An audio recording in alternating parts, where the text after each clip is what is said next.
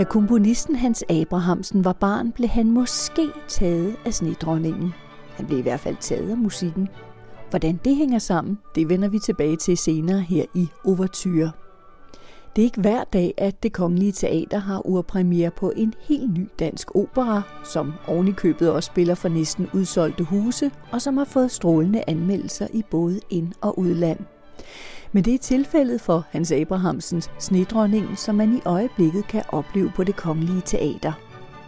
I denne udgave af Overture får du mulighed for at komme bag kulisserne og høre om Hans Abrahamsens mangeårige arbejde med at skabe operan og hans fascination af H.C. Andersens eventyr. Og så taler jeg også med instruktøren Francisco Negrin og sangerne Sofie Elkær Jensen og Johan Reuter, som begge har ganske centrale roller. For når man arbejder med en opera, som aldrig har været opført før, stiller det både særlige krav, men åbner også for nye kunstneriske muligheder. Overture er tilrettelagt af Katrine Nyland Sørensen. I snedronningen er først og fremmest titelrollen. Jeg er snedronningen. Det kan måske lyde lidt mærkeligt, når jeg taler, som jeg gør, fordi traditionelt set er hun jo en kvinde. Det siger titlen. Men, øh, men Hans og Henrik Engelbrecht har altså valgt, at det skulle være en mand, nu kan man da sige, det er også en mytisk figur, så hvordan sådan en egentlig lyder, det kan man jo have svært ved at sige. Så, så i det her tilfælde lyder snedronningen altså nogenlunde sådan her. Det er endda øh, et stykke hen ad vejen temmelig dybt skrevet, det ligger temmelig dybt i stemmen, men det er altså en, en, en effekt, og nok til en vis grad en uhyggelig effekt, som Hans og, og Henrik gerne vil, vil opnå, og jeg er rigtig spændt på at bidrage med den. Fortalte Johan Reuter og Hans og Henrik med efternavnene Abrahamsen og Engelbrecht er henholdsvis komponist og librettist på Snedronningen. Faktisk var det operasangeren Barbara Hannigans idé, at Snedronningen skulle synges af en basbariton. Barbara Hannigan var oprindeligt blevet spurgt om at synge Gerda ved urpremieren i København, men hun mente, at det ville være for svært for hende at lære at synge på dansk. Derfor synger hun Gerda i opsætningen i München senere på året, mens det i opsætningen i København er Sofie Elkær Jensen, der synger Gerda. Man følger Gerda, fra hun er et lille barn, til hun er en voksen kvinde. Og det er jeg rigtig spændt på at skulle øh, spille. At spille nærmest fra 5-6 år gammel og op til øh, en 17-18 år. Øh, men det, det er ligesom helt inden vi følger hendes kamp for at finde, finde Kai og, og redde ham fra snedronningen. Og Kai, som er mezzosopran. Kai, som er en mezzosopran, så det er rigtig moderne, genderbender, og der er alt er flydende, og det er, det er rigtig godt. Ja, Kai er en mezzosopran.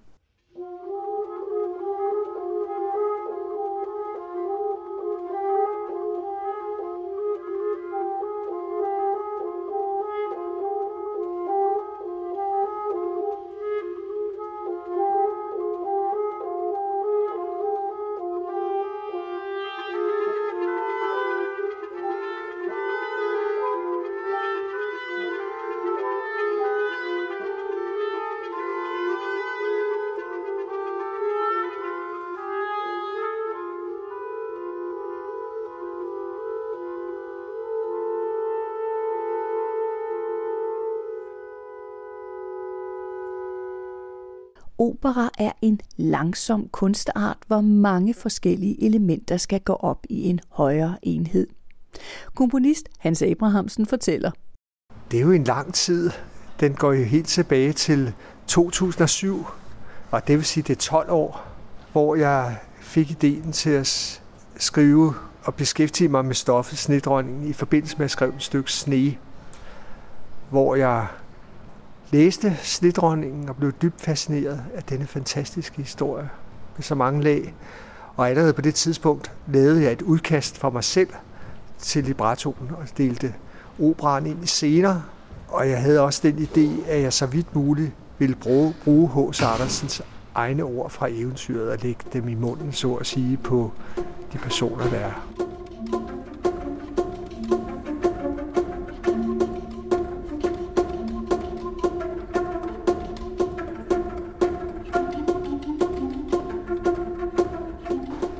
Og så blev det ikke til noget, jeg, på det tidspunkt, jeg skulle lave andre ting. Jeg lavede, jeg lavede sne færdig, jeg lavede valg, jeg lavede dobbeltkoncerten, en fjerde til. Og så ikke mindst var det vigtigt for mig, at jeg skrev stykket lidt Betelio til Barbara Hannigan og Berliner Filharmonikerne. Og samtidig med, lige inden jeg skulle i gang med det, der henvendte det kongelige teater til sig til mig, der svarede jeg med det samme, at det, det ville jeg meget gerne, og jeg havde også haft operaplaner faktisk helt tilbage til 1980'erne, som ikke blev til noget. Hvor jeg i øvrigt også så på noget H.C. Andersens stof, efter anbefaling af komponisten Hans Werner Hense, der ville have haft mig til at skrive en opera til sin første München Opera Biennale, jeg tror det var 687, eller 9, 88 var det vist. Og det blev ikke til noget, jeg kunne ikke finde noget. Og så skrev jeg lidt Mitelio færdig, og der gik det også op for mig, at jeg kunne, så at sige, finde en måde at forene tekst og, og så med min, med min musik. Og, og også måske noget mere dramatisk. Og, og det vil sige, efter jeg havde så lavet Let Metellio færdig i 2013, og så kommer vi ind i 14, der skriver jeg sådan set første, begynder jeg at skrive første akt.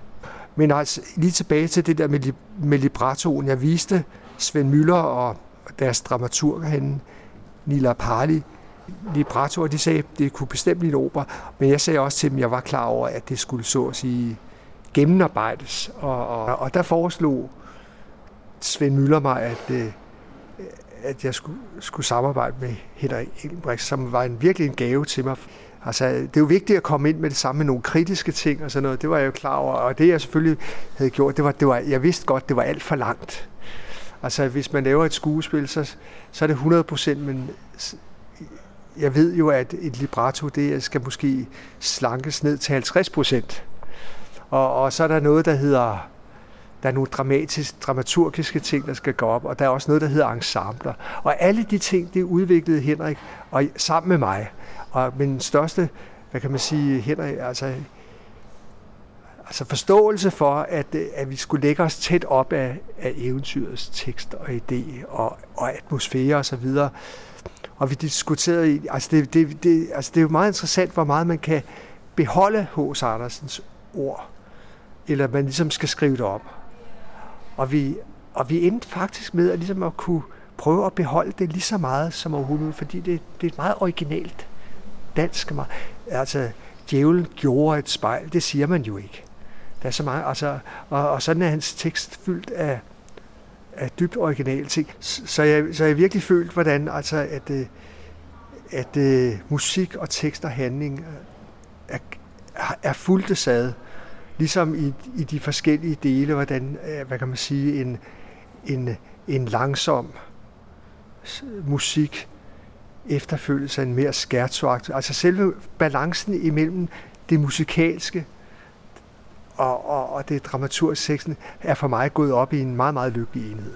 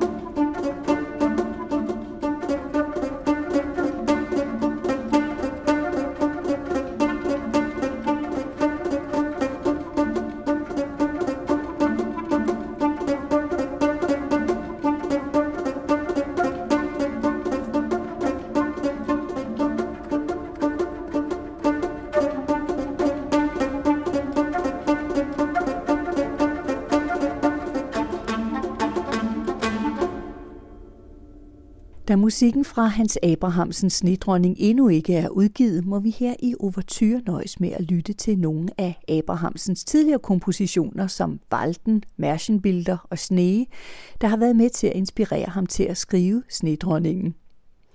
Allerede tidlig i processen i arbejdet med Snedronningen tog det kongelige teater kontakt til Johan Reuter. Jeg kan faktisk ikke huske, hvad tid jeg kiggede, eller hvornår det var, jeg kiggede på det første gang. Ikke hvad tid. øh, det er, men det er meget længe siden. Øh, det er meget længe siden, at, øh, at øh, led, talers ledelse her på Den Kongelige Opera spurgte, om det var noget, jeg kunne være interesseret at være med i. Og det var det helt bestemt. Jeg har jo interesseret mig for Hanses musik siden praktisk talt siden jeg var barn. Jeg husker Nachtron Trompeten som en, en stor, den store begivenhed, som det var. Øh, så jeg var selvfølgelig øh, meget indstillet på at hjælpe til, hvis jeg kunne. Men det betød så, at jeg øh, rent faktisk tog hjem fra et, et, øh, et job i udlandet for at have et møde med Hans, hvor vi gik stykket igennem, og, og, og hvor han forklarede mig, hvad det var, han ville, og, og, og hvad, det var for en, hvad det var for en historie, han gerne ville fortælle, og hvordan. Og så fandt vi så ud af, at det kunne jeg godt passe ind i, og det var jeg selvfølgelig vældig glad for, at det kunne lade sig gøre. Men er det ikke lidt usædvanligt, at du er inde over som sanger i så tidlig i processen, fordi man kan sige med mere klassiske partier, hvor øh, partituret, det hele, ligger egentlig klar. Øh, der er mange andre tidligere øh, opsætninger, man, man kan forholde sig til. Jamen, det er jo kun et spørgsmål om, at det er, fordi det er en levende komponist. Jeg går ud fra, at Mozart kendte ham, der skulle synge Figaro i Figaros bryllup ganske udmærket, og snakkede med ham tidligt i processen om, hvordan, hvordan, hvordan musikken skulle skrives, og hvad der ville passe godt til ham. Øh, der kan man så sige, at dengang var de måske ikke helt så lang tid om at skrive opererne. Mozart var famously meget, meget hurtig. Øh, men man sagde jo så også, at det var fordi, han havde musikken klar i hovedet, og han behøvede bare at skrive den ud. Hans har haft, øh, vi har, jeg har haft det held nu, at, at Hans har kunnet arbejde sammen med mig om, om, om øh, det her værk. Jeg vil sige, at han var meget, meget langt med det på det tidspunkt. Det var mere et spørgsmål om, hvis han har gjort noget af det mindre tilpasninger. Men det er dejligt at vide, og dejligt at kunne snakke med komponisten om, hvad det er, der skal foregå. Og jeg glæder mig også meget til forløbet omkring selve tilblivelsen af iscenesættelsen og af Hans med ind over der. Øh, jeg tror da, det kunne da være super interessant, hvis man havde nu lavet for eksempel Figaro's Bryllup, og så havde Mozart siddende nede i auditoriet og kunne råbe ned, hey Wolfgang, hvad synes du om det her? Eller kan vi lave det her om? Eller skal vi have dobbelt fløjterne? Eller kan vi lægge det her nok oktav op? Eller, og jeg er sikker på, at Wolfgang ville være frisk på, øh, på nogle input. Da du kom øh, ind, hvornår kom du så ind i processen? Vi kan høre her, Johan kom meget tidligt ind over. Jamen, øh, altså, jeg kom ikke lige så tidligt ind over, men det tror jeg faktisk, fordi at Hans har snakket med Barbara Hannigan, som jo skal spille rollen i München, øh, og har arbejdet rigtig meget sammen med hende. Så det er nok hende, han har snakket mest med. Så jeg fik noderne øh, i januar. Øh, og, men, men man kan sige, det sådan jeg tror også, det har været sådan, fordi han ligesom vidste, det skulle skrives til hende, så har teateret vidst, at det, der, det lå sådan så tæt op ad mig, så det kunne jeg godt varetage, så der var ikke nogen grund til, at jeg skulle ind og, og lave noget om, og det, jeg vil også sige, det er skrevet virkelig, virkelig godt for, for stemmen, og, og så for min stemme især. Øh, men ja, i januar fik jeg nådene. Og hvad er det, giver det et særligt præstationsangst, eller giver det et andet forhold, når det nemlig er en, en nulevende komponist, som rent faktisk også kommer ind og, og følger noget af forløbet, øh, fordi Hans Abrahamsen har jo helt sikkert også haft nogle idéer om, hvad det er, han ønsker at få frem. Jeg kan sige, du har selvfølgelig været i meget tæt dialog med ham. Jamen, jeg synes, at det, bliver da, det, er da, det er da bare godt. Det er da kun en god ting. Det er da super spændende. Jeg har prøvet det ja, mange gange før at lave ting af en, af en komponist, som sad og hørte, lyttede på prøverne. Og, og jeg synes, øh, som oftest er det sådan, at komponisterne er enormt åbne for det, der så kommer ud af det. Men det må da være, øh, jeg har aldrig skrevet en opera, og det er nok godt, men, øh, men, men det må da være voldsomt interessant for en komponist. Alt andet lige, han må have haft en, en ting inde i hovedet, og nu kender Hans jo formentlig, han ved godt, hvordan jeg lyder, Øh, ligesom da jeg for eksempel lavede Harrison Birdwhistles Minotaur i London, jamen Harry ved godt, eller vidste godt, hvordan jeg lyder. I det her tilfælde var han ikke begyndt at skrive operaen, da han øh, da, da, da jeg havde de, de første møder med ham. Så lige på det stykke er for eksempel skrevet specifikt til, til min stemme. Øh, men det må da alligevel være utrolig interessant for dem at høre det. Alt andet lige. Øh, så, så jeg, jeg ser det kun som en, en positiv ting og en mulighed for at samarbejde omkring øh, tilblivelsen af, af det færdige produkt. En mulighed, som man ikke har, hvis man synger Figaro, eller Scarpia, eller Votan, eller Violetta, eller hvad det, nu, hvad det nu måtte være. Jeg vil lige hurtigt indskyde med moderne musik, når komponisten sidder dernede. Man har jo den store frihed som sanger, der synger moderne musik, at man ikke behøver at lægge sig op af et bestemt klangideal, som hvis man for eksempel skulle lave Violetta eller Scarpia, så kan man høre på alle mulige øh, unge og gamle og nye og jeg ved ikke hvad, øh, operastjerner, som har haft det med en bestemt klang, som det kan være svært nogle gange at frigøre sig fra. Og jeg vil sige, med moderne musik er det bare så utroligt dejligt, især når man uopfører, at man kan få lov til at gøre det fuld, man synger faktisk næsten sundere, fordi man gør det bare, som, man, man fokuserer bare på at få sunget, og synge det godt og sundt. Og når så komponisten er dernede, er det jo bare en fantastisk og egentlig sjældent mulighed for at, at, at finpuste så, så meget som muligt. Ikke? Ja. Det samme det der med at synge det så. Ja, jeg er fuldstændig enig, og det gælder jo faktisk også i forhold til at fortælle historien øh, visuelt og mimisk og scenografisk og lysmæssigt og alt det, vi nu, vi nu gør, når vi laver en opera. Der er rigtig mange værktøjer i kassen, øh, men, men jeg giver Sofie fuldstændig ret, når man laver et, øh, eller når vi laver et øh, værk for første gang, så øh, jeg synes navnlig den første prøve, den første arrangementsprøve, når man går ind og siger de her ting til hinanden for første gang mm. på gulvet, og det aldrig er blevet gjort før. Det synes jeg er et meget interessant øjeblik, og det er med, ved uopførelser, så er det næsten den bedste del af det for mig. Og, fordi man jo så oplever den situation. Der er ingen, der, rigtig, der er ingen, der har gjort det før. Der er ingen, der ved, hvor fører det her møde hen. Så første gang, jeg skal møde Kai og bortføre ham, mm. så bliver det utrolig interessant at se, hvordan føles det? Hvad er det for nogle ting, der sker mellem de to figurer? Og hvis det så netop er, jeg bliver ved med at vende tilbage til Figaro's Bryllup, men en hvilken som helst anden opera, som har været opført hundredvis, tusindvis, titusindvis af gange, så er det svært at løsrive sig fra, øh, hvordan har man gjort før. Det er klart, vi, vi gør altid vores bedste for at løsrive os fra, hvordan har man gjort før. Men der er jo næsten ikke nogen i den vestlige verden, og der er i hvert fald ikke nogen i den vestlige øh, klassiske musiksverden, som ikke har en eller anden idé om, hvem er Susanne og Figaro. Og det er meget svært at løsrive sig fra. Det problem har vi ikke her.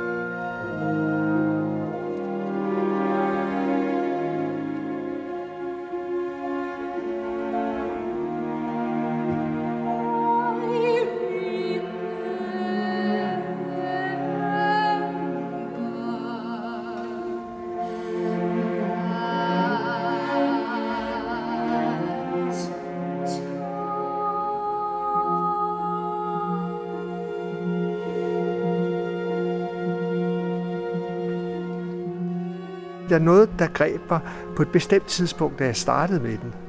med, med operan og beskæftige, og, og altså beskæftige mig med eventyret.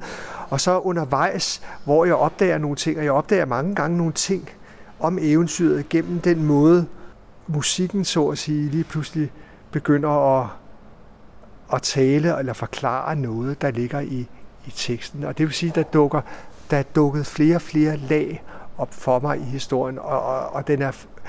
Men, men noget af det, der greb mig meget i den, og, og, og det er jo nok, fordi den har talt meget til mig ind i noget, jeg kan genkende i mig selv eller i andre, det er altså selve det der med, at, at de børnene starter med altså, at leve i den der, sådan, hvad kan man sige, par, den der sådan, hvad kan man sige, barnlige verden, naive verden og uskyldige verden på en vis måde, som vi alle sammen husker fra vores barndom. Og jeg husker den helt tilbage fra, hvad kan man sige, min kompositionsbarndom.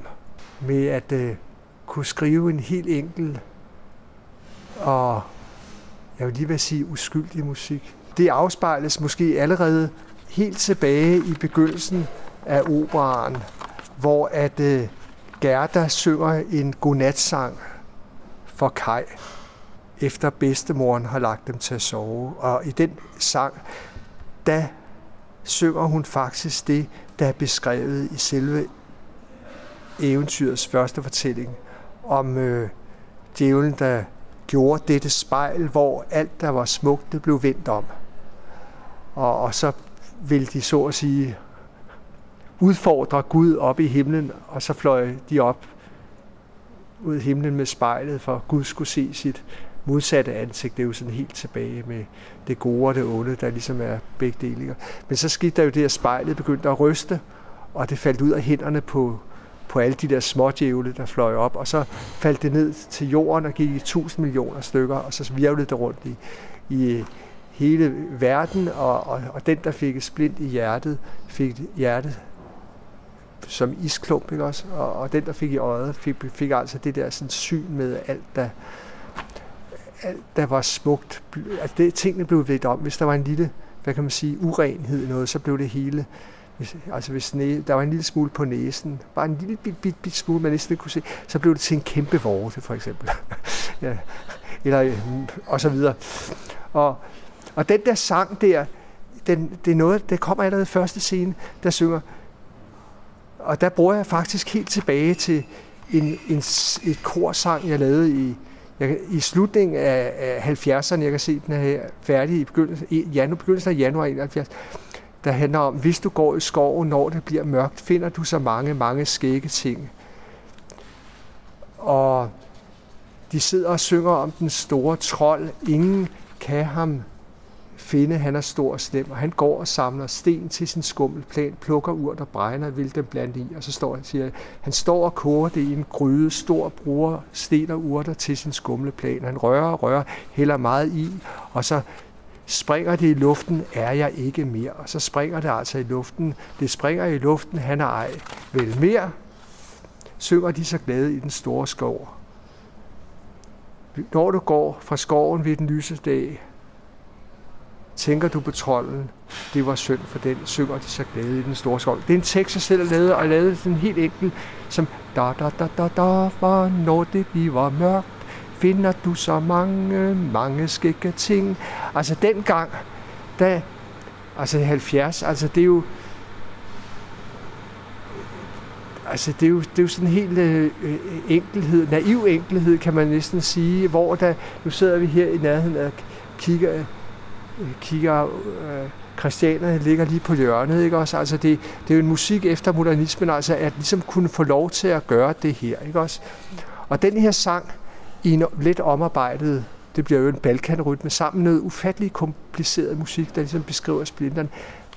Det, altså den der uskyld der, den der uskyld kan jeg, kan jeg genkende i mig selv, i mit eget projekt gennem tid med at være komponist, og, og være i det, og så samtidig måske øh, hvad kan man sige, opdages, man får splinten i øjet, ikke også? Og, og, og, og, og den der proces med at komme igennem det, og måske også sidde i mange år som kaj oppe i, i, i snedronningens palads og fryse til og så så at sige tø op og komme i gang igen, og så at sige genfinde sin, øh,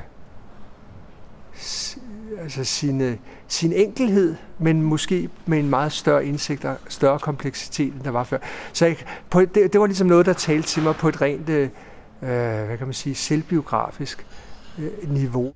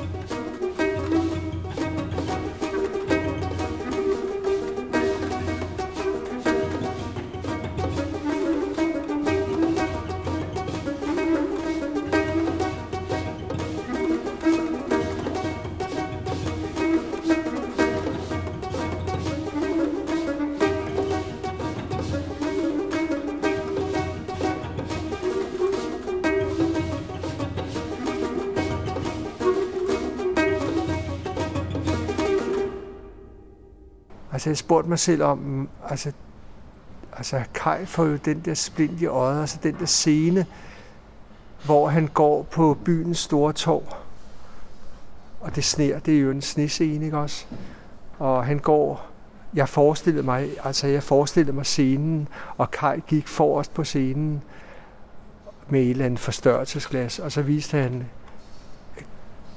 Gerda igennem det forstørrelsesglas snifnugene om, hvor fantastisk perfekte de var, altså de der sekskantede strukturer, ikke også? og de var meget mere korrekte end de rigtige roser, og meget mere interessante. Og, og, og så er det jo, at han øh, siger til hende, jeg har fået lov til at gå over og lege med de andre drenge. Og, og, og, dem for, og de der andre drenge, de leger i sneen med deres sleder i baggrunden, forestillede jeg mig på scenen. Ikke også? Og den der musik, det er den samme musik, som... Altså, den musik hørte jeg allerede i den scene, og den kom ind som kanon 2B i, i, i sne, altså den der... Sådan, sne, sneen, der danser, altså ligesom Debussy's. Øh, the snow is, altså sneen danser, the snow is dancing. Og så går Kai jo hen der og, og prøver at komme ind i lejen med de drenge, men altså jeg hele tiden spurgte mig selv, hvorfor blev han, blev, hvorfor blev han bortført af, af snedronningen? Altså hvorfor blev de andre, hvorfor det lige Kai? og og der er, og der er selvfølgelig, der tænkte, det hænger jo sammen med, at han har fået det der sådan, øh, de der ting, dels i sit hjerte og dels i sine øjne, ikke også? Han er på en eller anden måde, altså på et helt personligt plan, altså det er det er så banalt selv, jeg har et dårligt ben, jeg kan selv huske, da jeg var lille, jeg kunne godt lide at stå på, på ski, Og jeg kunne også godt, men jeg kunne sørge mig ikke stå ned ad de store bakker. Det var jeg ikke særlig. Så faldt jeg. Men det kan jeg huske, min, mine øh,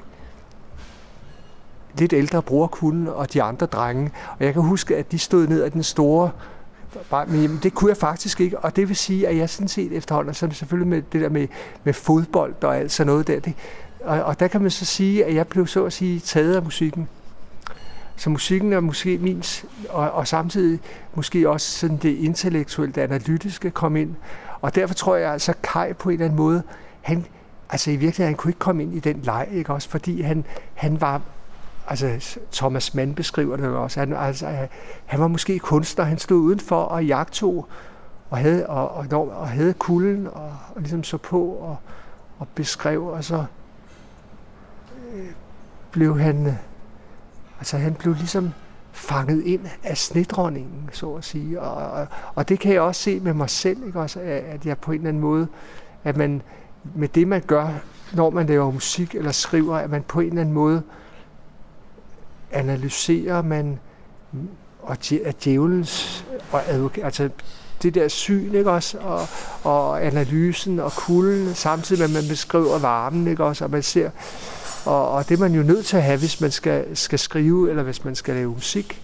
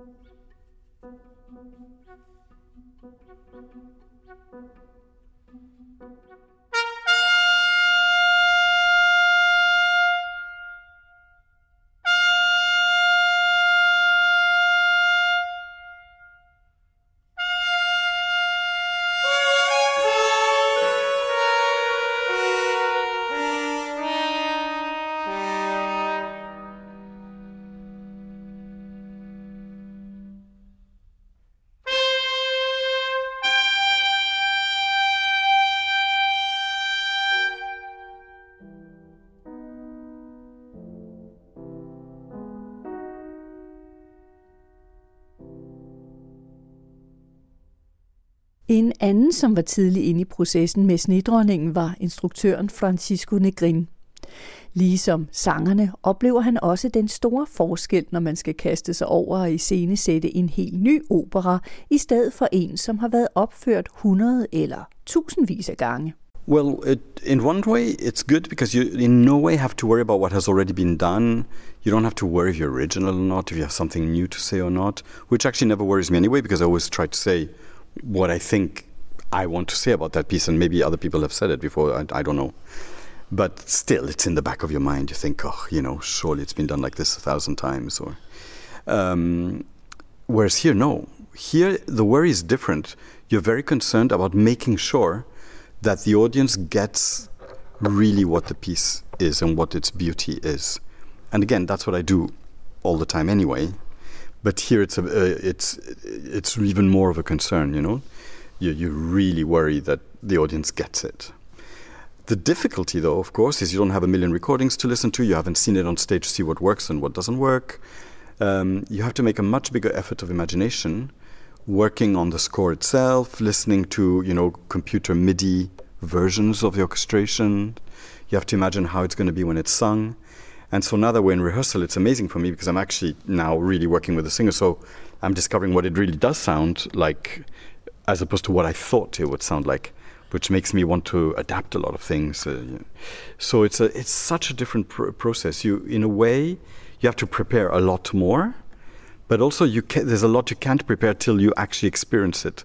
So you're at the same time more prepared and much more improvising and working on the spur of the moment. So it's a, much more live and much more worthwhile, I think. And I think that we should be like in the 18th and 19th centuries, we should be doing 90% new pieces and 10% old pieces, when in fact we do the opposite. Francisco Negrin så gerne, at det var 90% nye operaer og 10% gamle operaer, som man satte op rundt om i operahusene, i stedet for det modsatte.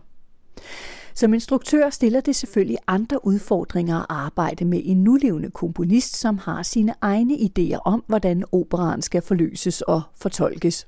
Yeah, he has very, very specific ideas. I mean, it's, he's a very detailed composer with very, very precise uh, thoughts about everything. But still, there's a point where his, his work stops and somebody has to interpret it and put it on stage. And unless he would do it, it's necessarily going to be different from what he imagined. I, of course, had lots of conversations with him. I really initially tried to totally understand what he wanted. But then there's what he wants and then and what he wrote. And actually, that's two different things because sometimes, you know, he can write something that is absolutely impossible or that doesn't actually work theatrically with what he composed, even though he kind of imagines it in his head that it would work, but I don't think it would. So there's, there's always a part where you have to get away from the composer to help the composer. And this is true with Verdi or whoever that's dead, as with a contemporary living composer. At some point, they have to allow you to get away from them to make their own wishes come true in a way that they didn't even imagine, I think. And Hans was amazing when I started to present my, my concept to him. First of all, I made it very clear that my concept came from what he wrote and that the decisions I was taking that were different from what he wrote were because of what he wrote. So, for, I give an example. He decided that the role of the Snow Queen, the role of the reindeer, and the role of the clock, which are very different characters, would be sung by the same person as Johann Reuter. And the same, the role of the grandmother, the role of the Finnish woman, and the role of the uh, nasty old lady, as I call her, the witch, are sung by one same singer. So I thought, okay, you want that, but that means something. The moment you put it on stage, the fact it's the same singer means something. So even if he didn't consider that, I had to consider that. So I came to him with a concept where I actually made Johann Reuter a, a character that I call the universal being. He is actually the universe. And he presents himself, like he projects himself at times as the Snow Queen because he wants to attract little Kai, who's a boy. At sometimes he turns himself into a reindeer, which is like this symbol of the masculinity and warmth, because he wants to try attract, attract Gerda. And then at the end of the piece, he is really who he is, which is time, because he is the universe. So he's the clock. He's just time passing, which is what time and space, you know, the universe, everything around us is basically time passing. So I, I presented to him that actually I was making a new character that he didn't write and that Hans Christian Andersen didn't write who was this universal being. And he immediately loved it because, ah, of course, that makes sense now. It also took away one big problem that I had that because he had given this bass voice to the Snow Queen, I had this problem of how do I do the Snow Queen as a man dressed in drag with a deep voice. I thought immediately everybody was going to laugh and be very detached and also stupidly, you know, the Snow Queen and man in drag, you know. I thought it, it had too many references that were noise that would not be helpful to the piece. So this idea of the universal being suddenly took away that problem. And I think Hans, in a way, was also relieved because he had never, I think he just loved the idea that the Snow Queen would be a bass because of the weirdness of it. But I don't think he thought about the theatrical consequences that could have. So those are examples of how, by moving away a little bit from his desires, but taking decisions that came from actually what he wrote, I can help the piece function better and he's very happy with it. For en instruktør som Francisco Negrin handler det om at skrue ned for alle de detaljer i historien, som støjer og komme ind til selve essensen af fortællingen. Hans Abrahamsen har fortolket H.C. Andersen, mens Negrin fortolker Abrahamsen, så på den måde ender snedronningen med at blive sin helt egen selvstændige fortælling. The, I take of course, Hans has taken from Hans Christian Andersen what interested him, not everything. So, of course, just by making that selection and by changing the order of certain things or not having s- certain words, you know, somehow you change it. He has changed the story. But then, of course, me trying to make it work on stage, I've changed that interpretation. So now we're two steps away. So we're actually quite far from Hans Christian Andersen. Even though every word that is said is Hans Christian Andersen, every image is from Hans Christian Andersen, we're actually quite far. And what we're doing is we're, we're telling a story that uses scenes from the Snow Queen and probably has the same morality, if you like, the same intention, but get, gets there in a different way. So it it becomes its own story in, it's in its that own sense. story, like all operas that are based on something. You know, if you, I don't know, Maria Stuarda by Donizetti has little to do with the original play. Uh, certainly, all the Shakespeare's that Verdi did also have little to do with Shakespeare, but they are strong theatrical pieces based on those things.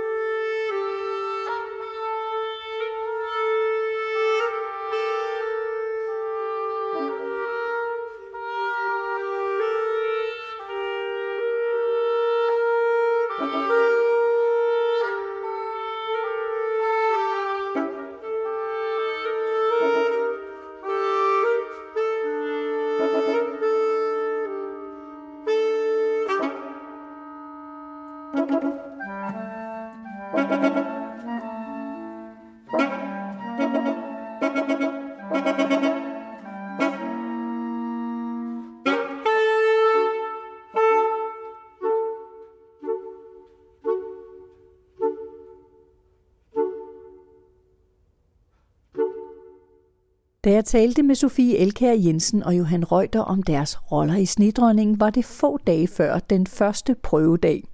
Og derfor vidste de heller ikke, hvordan Francisco Negrin havde tænkt sig, at operan skulle foldes ud. Jeg tror desværre ikke, jeg skal være i drag. Det har jeg faktisk aldrig prøvet. Jeg kunne ellers godt tænke mig det. Men jeg har, mødtes, jeg har mødt uh, Franciscos, uh, Francisco ganske kort. Francisco? Jo, det hedder han. Uh, jeg har mødt ham ganske kort. Jeg har arbejdet med ham før for en del år tilbage, hvor jeg spurgte sådan, nå, hvad så? Og så uh, sagde han til mig, at jeg altså desværre nok ikke skulle have en kjole på. Jeg vil håbe, det har ændret sig siden da, men lad os se. uh, jeg, Snedronningen er jo en lidt interessant figur på den måde, at det er ikke en figur, der ændrer sig. Snedronningen er ligesom en naturkraft, et træ, der vokser, eller vinden, der blæser, eller en skrænt, der skrider ned. Der er ikke nogen, der er ikke nogen uh, character development. Figuren udvikler sig ikke nogen steder hen. Hun, hen, han er der bare, og er denne her kraft i, øh, som, som, som går ind som en kile imellem, imellem Kai og Gerda. Jeg søger faktisk også to andre roller i operan. Jeg er et rensdyr, og jeg er et ur, intet mindre. Og jeg tror, at, øh, og jeg siger præcis det, som et ur siger, og så ikke andet. Rensdyret, der siger lidt mere end rensdyr, plejer at sige. Men øh, jeg tror, at Francisco forestiller sig, at de tre figurer på en eller anden måde hænger sammen som et, et udtryk for en eller anden form for natur. Men jeg er rigtig spændt på, hvordan det ser ud på mandag. Og du øh, har jo også visse forventninger, fordi som du fortalte indledningsvis, altså vi skal jo faktisk følge dig i mm. en udvikling fra du er cirka ja. 6 år og frem. Ja. Og hvordan forbereder man sig på det, når man stadigvæk ikke ved, hvad det er for et take, ja. instruktøren har? Ja, jeg ved, jeg ved ikke. Jeg, det, jeg har for nylig snakket med kostymdesigneren, og der gik det nok rigtig op for mig, hvor stort et spænd der var. Og siden jeg så fik det at vide, så har jeg selvfølgelig tænkt mig over det, når jeg sang det. Hvordan skal jeg ligesom formidle det sangmæssigt i de forskellige aldre. Ikke at jeg skal synge som et barn, men der sker jo også noget med, med stemmen, som man udvikler sig. Men det er meget, meget, meget, det bliver meget, meget interessant, også fordi Gerda er faktisk på scenen hele tiden. Og jeg ved, der kommer til at være nogle kostymeskift, som jeg tror bliver meget øh, spektakulære for publikum at se. Øh, fordi det kommer ikke til at være sådan noget med, at jeg bare lige går ud og får et lille andet kostume på. Jeg tror virkelig, de kommer til at se mig som en, en puppe, der bliver til en, en sommerfugl i løbet af, af det stykke. Men det er jo meget, meget interessant det der med, med Kai og Gerda, også fordi, som jeg faktisk havde misforstået lang tid, de er jo ikke bror og søster. De er naboer, og de har leget sammen, og øh, så, så det, det åbner også op for nogle andre følelser imellem og hvorfor, når de bliver voksne, at Kai fjerner sig fra Gerda, for det er jo egentlig det, der sker, ikke? At, han, at han fjerner sig fra hende, og hvordan de så finder sammen igen. Og det er også, som Johan siger, det er så interessant, at det så bliver personificeret som en mandlig snedronning. Jeg tror, at Kai synes, at piger og kvinder begynder at være lidt irriterende i, omkring den alder, hvor de ligesom bliver skilt ad ham og Gerda. Så det er meget interessant. Når en opera er helt ny og aldrig har været opført før, og instruktøren derfor kun kender partituret, kan der pludselig ske store ændringer, når han få uger før premieren endelig står over for sangerne og scenografien i virkeligheden. Not little changes, it's big changes, because suddenly what I thought maybe was I don't know how to describe. You know, um, different composers and different moments of their compositions require different vocality from a singer. So, for example, a Handel recitative vocally enables the singer to be very naturalistic and to move and use his whole body and to be in any position because there's no real strong physical requirement in the recitative. Whereas when they go into an aria and they have coloratura or something, suddenly their body becomes more involved in the act of producing the sound. But even then, they're freer than a Wagnerian singer who is in the middle of one of a big scene where their whole body is taken over and they can't do anything at the same time at all, or a big Verdi aria or something. So, what I didn't know when I was looking at the score is how much the singers would be available physically or not at certain moments. However much I would read the score and people would describe it to me, you know, still, it's only when I actually saw the singer. So, of course, that immediately makes you want to stage things in a different way because you see the energy that they are deploying in singing or not deploying in singing. And so it completely changes some aspects of it. It changes also your sense of how long things last. Because some things on paper looked very long, and then when they're sung, they're so interesting that they pass fast, or the contrary. Og scenografien i Snedronningen, ja, den er ganske spektakulær, og det er også meningen. Um, the set is really entirely based on light because, again, because it's about the space and time. I wanted the audience to really have a sense of awe and magic in a way, the way, like when you look through a telescope and you see amazing galaxies and nebulas and things you can't understand. I wanted the audience to have that sense of, oh my God, you know, there's this mathematical amazingness all around us. And I felt that just normal scenography and even effects that we use a lot nowadays, like video, for example, were not enough. I wanted something that would the audience wouldn't expect at all. And so I'm working with a company called Playmodes, who are from uh, Girona near Barcelona, and they're uh, lighting installation artists. And they have a technique where they use LEDs embedded in in structures. You know, it can be a building or the inside of an airplane, or in this case, a scenography. So our scenography is entirely in, uh, inlaid with LEDs, and so it can come to life and can completely seem to change geometry when it actually doesn't, and it can move and be alive in itself. So all this mathematics can become really cosmic in a way. So I think it's a show that will really uh, marvel people because they'll see something they've never seen on stage before.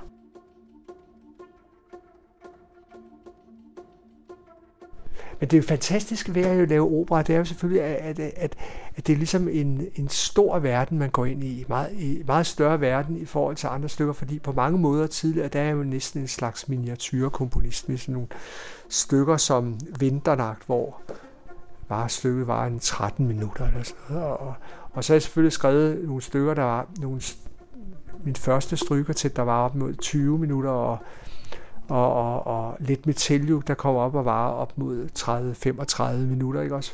Men, men en opera her, den var 95 minutter i alt. Og det er jo fantastisk ved opera, det der med, at, øh, at når man kommer hen i tredje akt, så kan man, lige kommer der noget frem, som man hørte for over en time siden.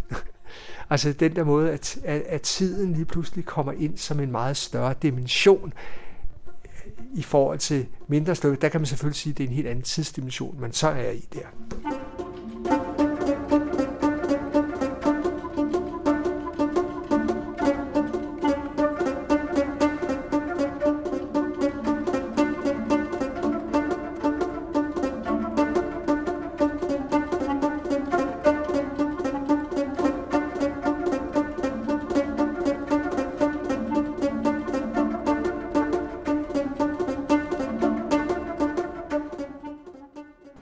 Altså sneen er jo på en eller anden måde, altså vores vintre er noget enormt poetisk, hvis det er rigtigt. Og, og derfor har det jo også været noget magisk for mig, alle de der snescener, der er, og vinterscener, der er skrevet stykker, og de er faktisk skrevet om vinteren, og der var sne, mens jeg skrev det. Og så er det underligt tilfælde, og det er måske noget med rytmen i, i akterne, at der er en forårscene og sommerscene, og, og i øvrigt slutningen, der igen er forår og sommer, den mest vidunderlige varme sommer. Alle sommerscener, de er også skrevet om sommeren. Så jeg på en eller anden måde i min skrivning af operaen over de der år, der jeg, der jeg været, hvad kan man sige, begunstiget med, at vejret har fulgt det, jeg sidder og skriver. Det sagde komponist Hans Abrahamsen. Du kan læse meget mere om snedronningen og om operasæsonen på det Kongelige Teaters hjemmeside. Musikken, som er blevet brugt her i denne udgave af Overture, kan du til gengæld læse om på radioplay.dk under Radio Klassisk. Overture er tilrettelagt af Katrine Nyland Sørensen fra Nyland Kommunikation.